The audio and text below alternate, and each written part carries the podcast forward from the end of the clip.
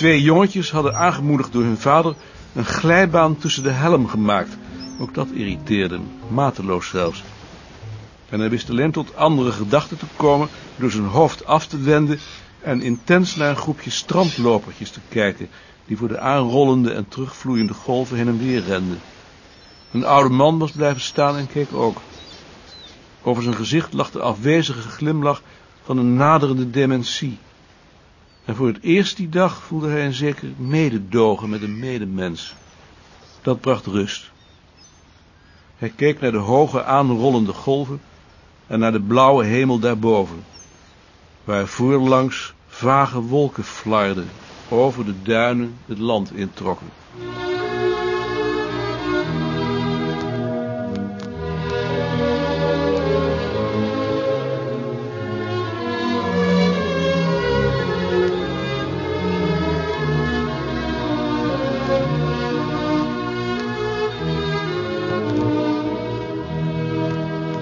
Om twee uur waren ze in Bergen aan Zee, in de Spin. Er was nog één tafeltje vrij. Ze namen een stuk appeltaart. Vlak achter het raam was het zelfs warm in de zon. Daarna liepen ze door de duinen naar Bergen.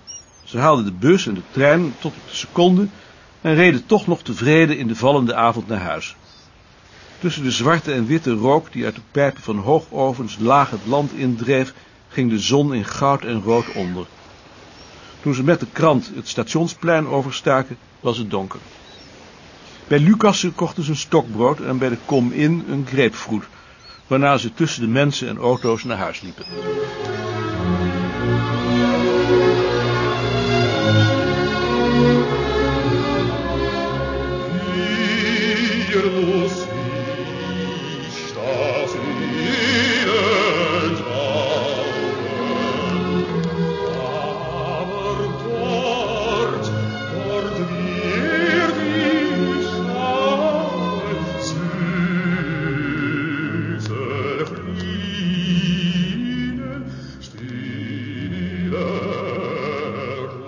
Later op de avond luisterde hij naar Ich habe genoeg en stelde zich voor dat dat bij zijn begrafenis gespeeld werd.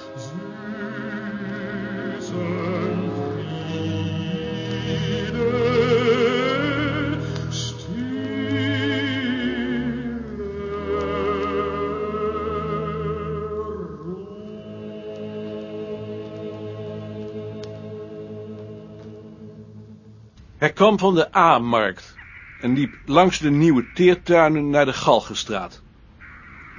Voor hem uit liep een oud, dik ingepakt vrouwtje.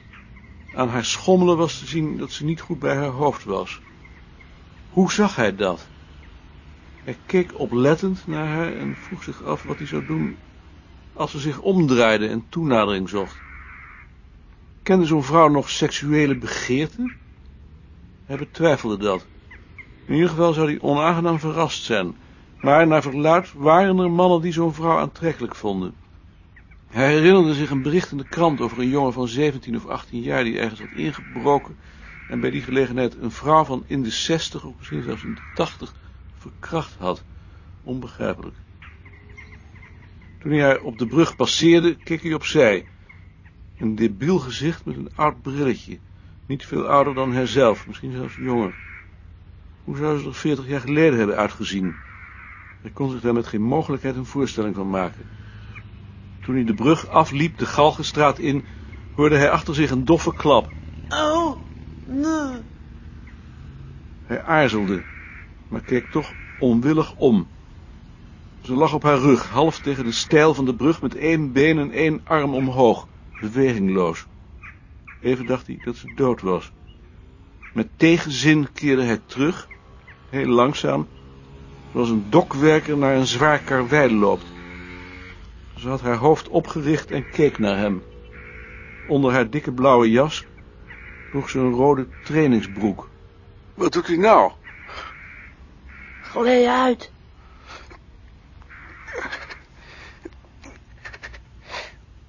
Wacht, Gleed uit. Niks kapot gemaakt? Nee. Goed zo. Voorzichtig dan maar, want de brug is glad.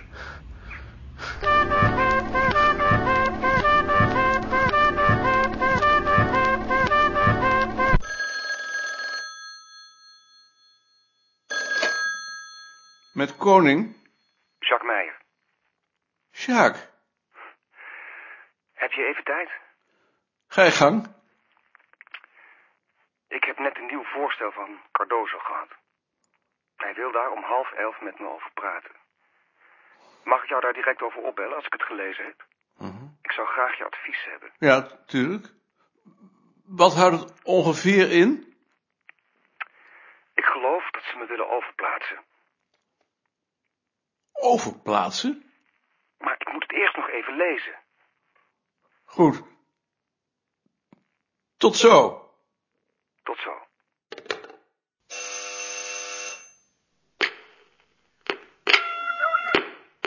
Sien. Ehm, kom binnen.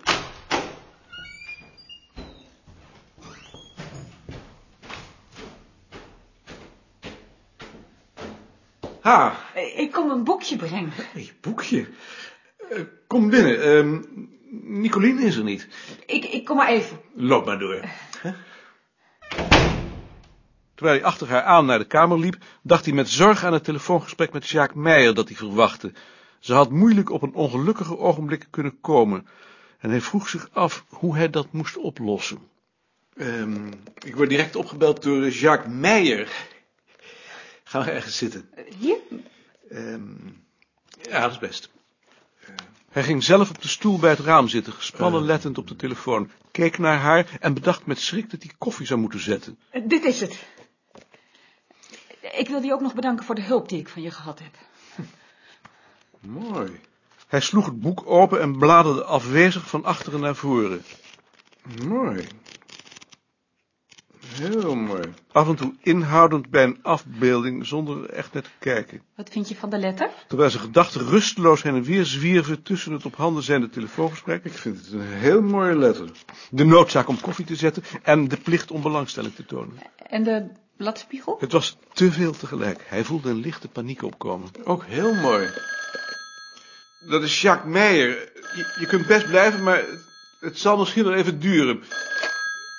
Jacques? Ja, ik ben het, Jacques. Jacques. En? en? Eh, hij wil me inderdaad overplaatsen naar het Zeemuseum. Maar er is ook nog een alternatief. Dat ik word vrijgesteld om een proefschrift te schrijven. En niet mijn plan van een soort denktank. Nee. Hm. Wat vind je zelf van die overplaatsing? Dat wou ik nou juist met jou overleggen. Oh.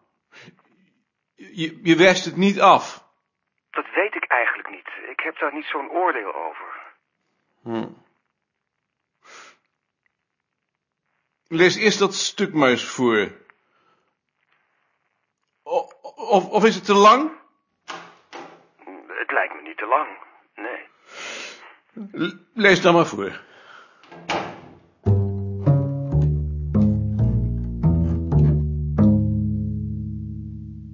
Hoe was het bij Heidi? Heel leuk. Het zijn ontzettend leuke honden en ik kan heel goed met Heidi opschieten. We denken net zo over de beesten. Wat is dat voor boek? Dat van Sien. Ben je op het bureau geweest? Nee, Sien is hier geweest. Hier? Ze is het komen brengen. Nou Ja. Het is allemaal wetenschap natuurlijk. Hm? Hoe was het? Heb je wel koffie gezet? Nee. Heb je geen koffie gezet? Nee, want toen, toen ze net was, werd ik opgebeld door Jacques Meijer. En eh, tijdens dat gesprek is ze weggelopen. Weggelopen? Duurde het zo lang?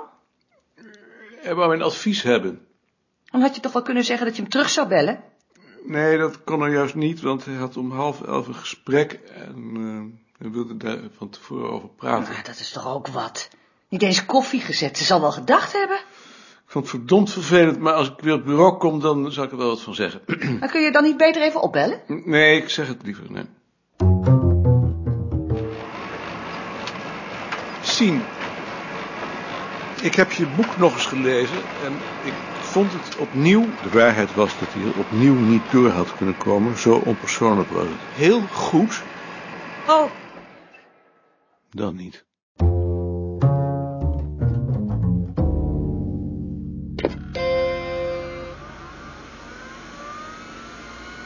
Hey, Frits.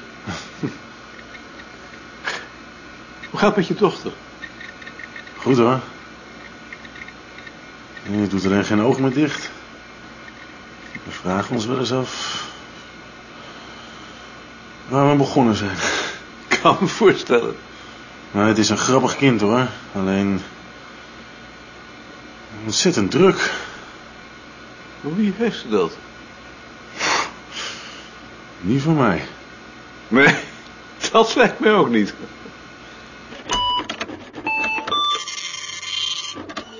Dag Jitske, dag Lien. Ah, Dag Maarten. Hé, hey, nou verdomme toch die boom geknot? nou, wat hindert dat? Je zal er niet dood van gaan. Maar er is wel minder plaats voor de vogels. Maar die hebben plaats genoeg. En de uilen dan? Dit zijn de enige grote bomen in dit blok. Ik heb hier nooit uilen gezien, hoor. Ik ben mijn boekenkast aan het uitruimen en ik heb wat boeken en overdrukken die misschien wat voor jullie zijn, eh, als doublet. Maar kunnen die nou niet beter bij jou blijven? Ik doe er niks meer mee. Je was toch van plan om die onderzoeken af te maken? Maar nu ik geen bureau meer heb, Je kunt toch ook aan de bezoekerstafel zitten? Of in de bibliotheek? kan wel, maar het aardige was nou juist dat ik daar geïsoleerd zat. Ik zet ze eerst maar op een aparte plek. En als je ze toch terug wilt hebben, dan... Nou, dan krijg je ze terug. Maar je mag ze dus gebruiken. Ja, dat weet ik.